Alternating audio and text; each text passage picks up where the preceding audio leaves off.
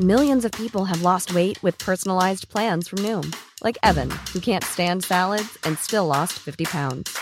Salads, generally, for most people, are the easy button, right? For me, that wasn't an option. I never really was a salad guy. That's just not who I am. But Noom worked for me. Get your personalized plan today at Noom.com. Real Noom user compensated to provide their story. In four weeks, the typical Noom user can expect to lose one to two pounds per week. Individual results may vary.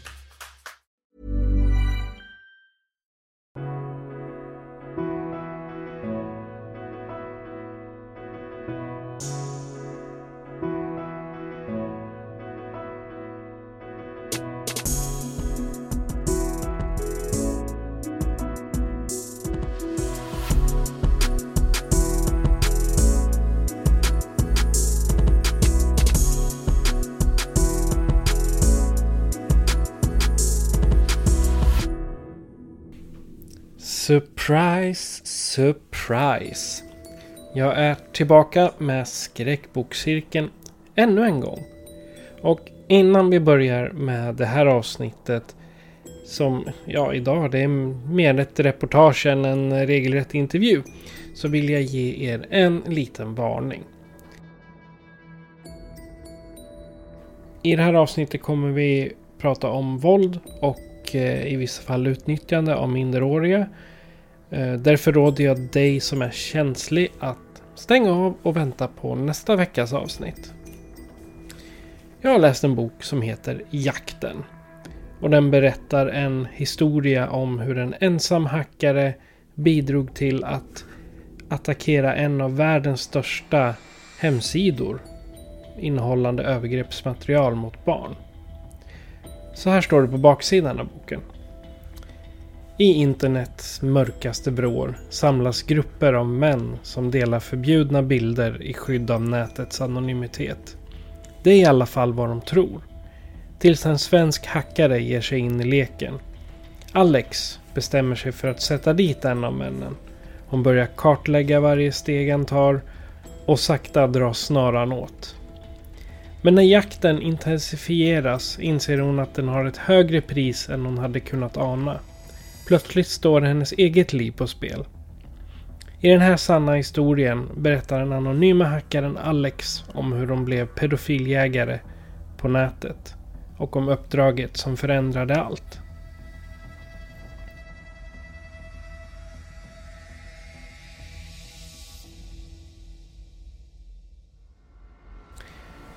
Vi lever ju i en värld där digitala hot och internetattacker blir allt vanligare. Och på det viset så är det avgörande att vi förstår hur det fungerar. Och att vi lär oss hur vi ska skydda oss online. Eftersom temat i boken är verkligt och det är ganska hemska människor som eh, Alex har gett sig på. Då har vi valt att fullständigt anonymisera henne. Det är hennes röst. Men med en eh, röstförvrängare. För allt för att göra det anonymt. Kan vi säga. För det här är människor som är hemska. Och man vet helt enkelt inte vad de skulle få för sig att göra. Vi drar till intervjun.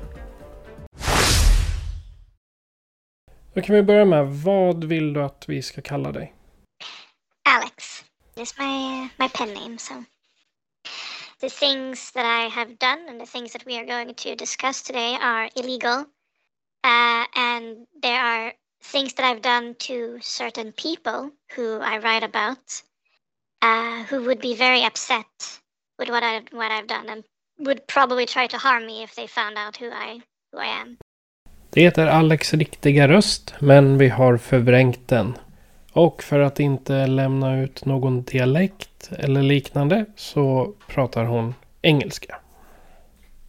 Rösten är förvrängd eftersom det är väldigt onda människor som vi inte vet vad de kan komma och ta sig till ifall identiteten röjs. Vad jobbar du med? Uh, I am a software engineer and I maintain legacy systems at a company at the moment. Okej. Okay. Och ska man säga att du arbetar inom internetsäkerhet då ungefär? Uh, no. I don't work within security at all. I uh, build systems basically. I program. I'm a programmer. Då undrar jag, vad är din relation till skräck, skräckfilm, skräckböcker? So when I grew up, my mom used to buy me horror books, like very vanilla kind of horror stories for kids. And every Friday, we would go to a rental store and we would rent a VHS. And for some reason, it would always end up being a horror movie. Uh, so that's sort of how I got introduced to horror. Um, and then I have this weird uh, love for the alien movies, especially the first one. Okej, okay, om, du, om du skulle säga en uh, absolut favoritskräckfilm, vilken skulle du säga där då? Well, either the alien movie or uh, Ghost Ship, actually, I love, I really like. You know, the, the scene with the, what do you call it? you, know, you know the scene where they all get cut in half.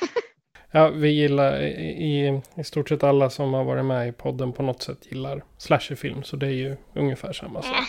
Eftersom vi, du inte helt arbetar heltid som en typ av författare så undrar jag hur kom du in på hacking? Och med hacking så syftar vi till möjligheten att bryta sig in i datorsystem eller knäcka koderna till en programvara. Det är olika exempel på hack. Uh, yeah, no, I, uh, uh, I mean, I, I, I always think that it's a combination between me watching the movie Hackers in the 90s.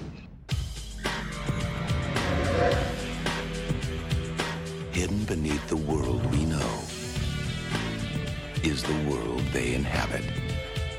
Dave? Yeah, Mom? What are you doing? I'm taking over a TV network. Well, finish up, honey, and get to sleep. Uh, and then my parents sort of introduced me to computers in the 90s. You know, we got a, a home PC, and eventually I, I was allowed to start, you know, tinkering and, and experimenting with that. And my, my dad, he used to bring home all sorts of weird technology because he was a, a tech nut uh, himself. And uh, and then I think it was sort of that way that I the the spark was ignited by the, the movie that I watched. That I got very into that movie. I liked the whole the, the concept of the hacker, you know, breaking things, getting into places they shouldn't. And then when I got a computer, I was suddenly in that world. I could try these things myself. Obviously, very um, very basic in the beginning, but it, you know, it evolved over time, of course. Jag har tittat mycket på eh, scambaiting eh, på nätet och eh, det har kommit över tre typer av hackare som de kallar sig. De kallar sig för etiska hackare, grey hats och black hats. En black hat hacker är en person som bryter sig in i datorer och nätverk med avsikt att skada eller förstöra eller kanske till och med tjäna pengar på det. Och en white hat hacker det är alltså en etisk hackare. Eller goda hackare. Och det är motsatsen till black Hat. För de här arbetar ofta inom nätverkssäkerhet. De kanske hackar ett system, ett företag eller vad man nu kan tänka sig. Men då berättar de det för personen eller företaget som de har hackat. Och sen har vi Grey Hat Hackers. Och det är de som är mitt emellan lagligt och olagligt. Man kan jämföra dem med Robin Hood i hackervärlden.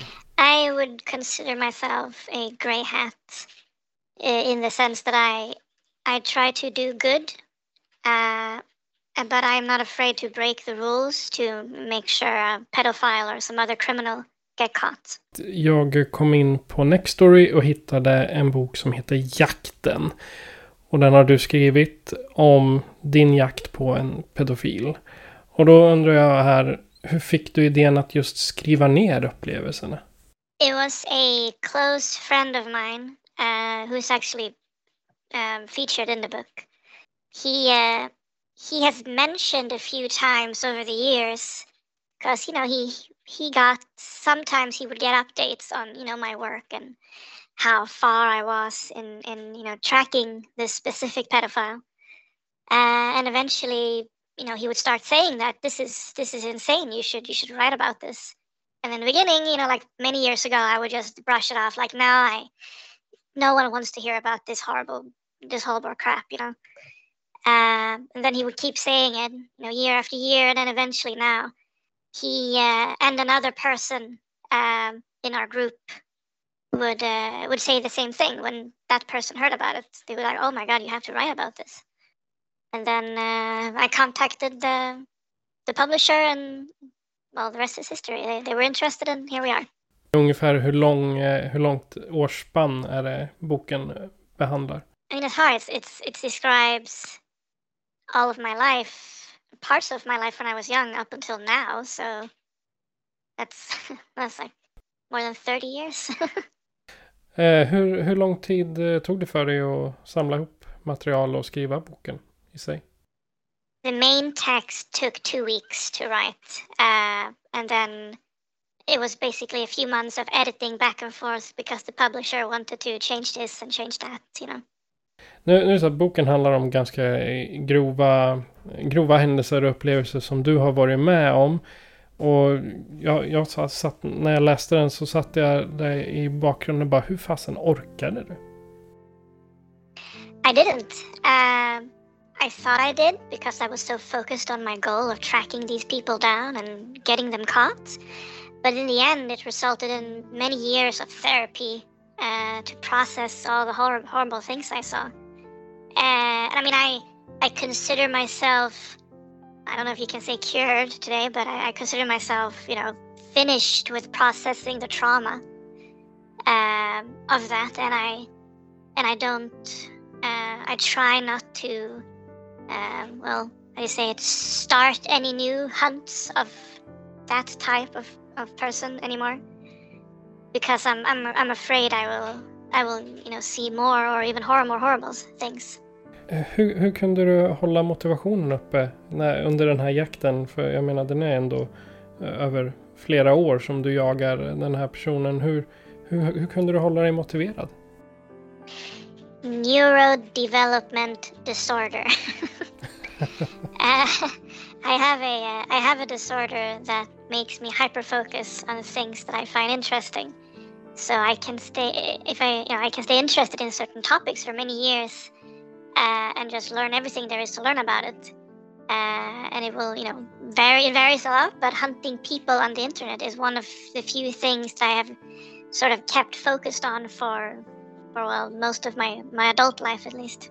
Hur kunde det här påverka dig just i vardagen när du satt och jagade efter den här personen? Um, it did. It, it, it affected me a lot. Um, to the point where I once considered suicide. uh, simply because I didn't know what to do with myself. Um, I sort of came into this weird loop of hating myself because I felt I wasn't doing enough to to stop these people. Uh, but of course, I was younger then, and I know now that there are ways to deal with these feelings, and you know, people to talk to, and so on to process all of this. But at the time, I was alone, and uh, I didn't really know. I didn't have the the resources or I guess the capacity to, to figure out where, where I should turn to to get help. Men kan du berätta lite om hur du, ungefär hur du gjorde? Ja, men då på, de, på detaljplan är det ju inte så lätt för folk att förstå, men eller hur du gjorde, hur kom du i kontakt med den här personen från första början? Det är det jag tänker på. So, um, so short, long story short, uh, I, it started with me just deciding that I wanted to try to, you know, piece together the puzzle of finding people online. And I, I started by just finding other random criminals that did other types of crimes via using the internet. But then I don't know, I didn't get the kick from that that I wanted. It was difficult. It took a very long time. I couldn't, I didn't really get anywhere. So then a, a, an acquaintance or internet friend or whatever you want to call it on a forum I was hanging at, on at, at the time uh, told me that he was working with traumatized children in Thailand who have been abused by people. and that when he was helping these people and investigating and helping the you know the police and everything, uh, he got a list of websites from someone where, where pedophiles would uh, gather to you know share material or discuss and you know whatever and told me that you know put your skills to good use check out if you can do anything with this list. So that's what i did. I went through the whole list you know one item after the other to see is there anything here that that would be you know it's kind of like when you want to get into a, a, a system or website the bigger and more complex it is the more likely it is that you will find a way in because complexity brings you know risk to uh, for you know vulnerabilities that you can exploit. Uh, so eventually i found this uh, this website called prime jailbait which was an insane website in the sense that it was out there on the internet you know the clear internet. It wasn't on the dark net or anything. And i uh, it was just people posting uh, not nude but lightly clothed pictures of, of little girls basically uh, and uh, yeah so i basically dug into that. I, I got into the website eventually and uh, i just pulled out the whole database of all of their users and then i could see who was the most active user who uploaded the most and so on. And there were two people one in america and one in norway. And so I the, the, the most active one was an American, and the second one was the Norwegian man. And since Norwegian one was a lot closer, I mean, I, I lived pretty close to to the Norwegian border at the time. Uh, I I figured uh, he would be my target, and then that was the right choice because it turned out he was an absolute horrible person and a monster, basically.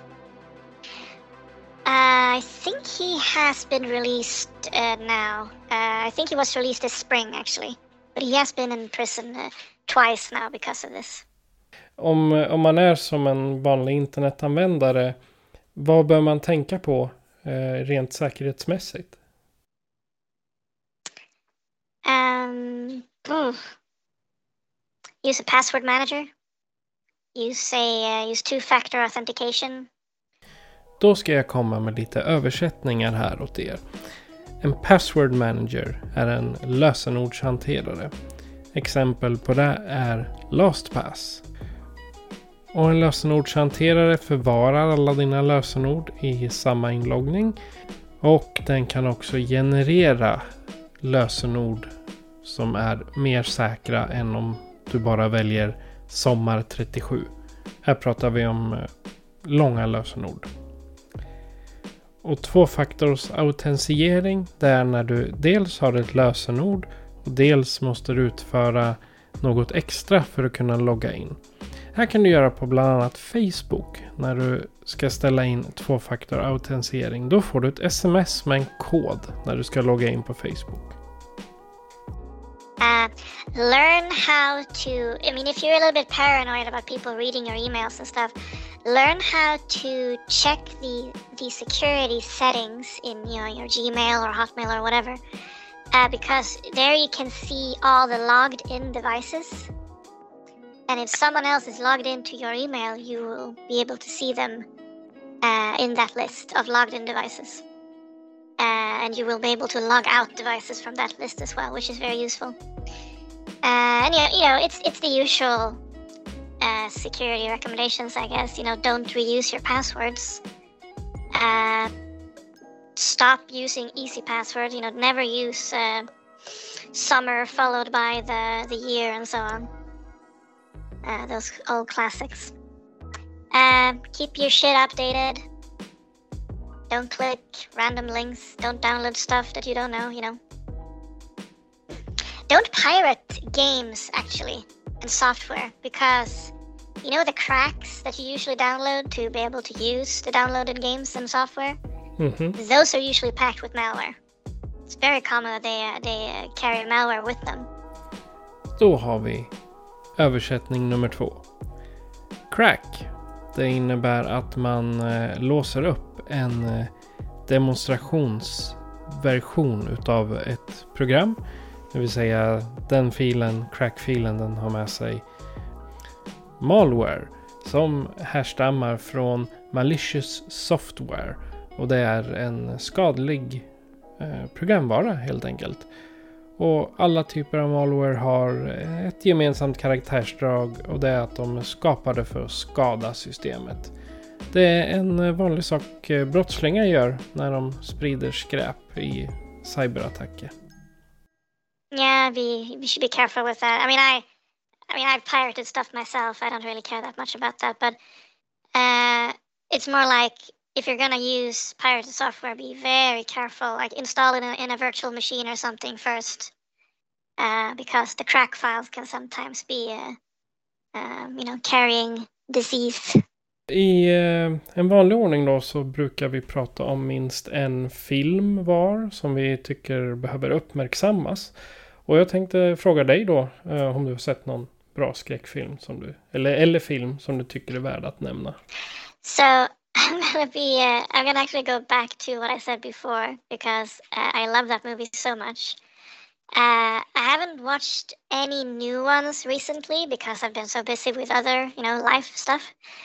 Uh, but I always go back to the Alien movies every single year, and I always watch them on VHS.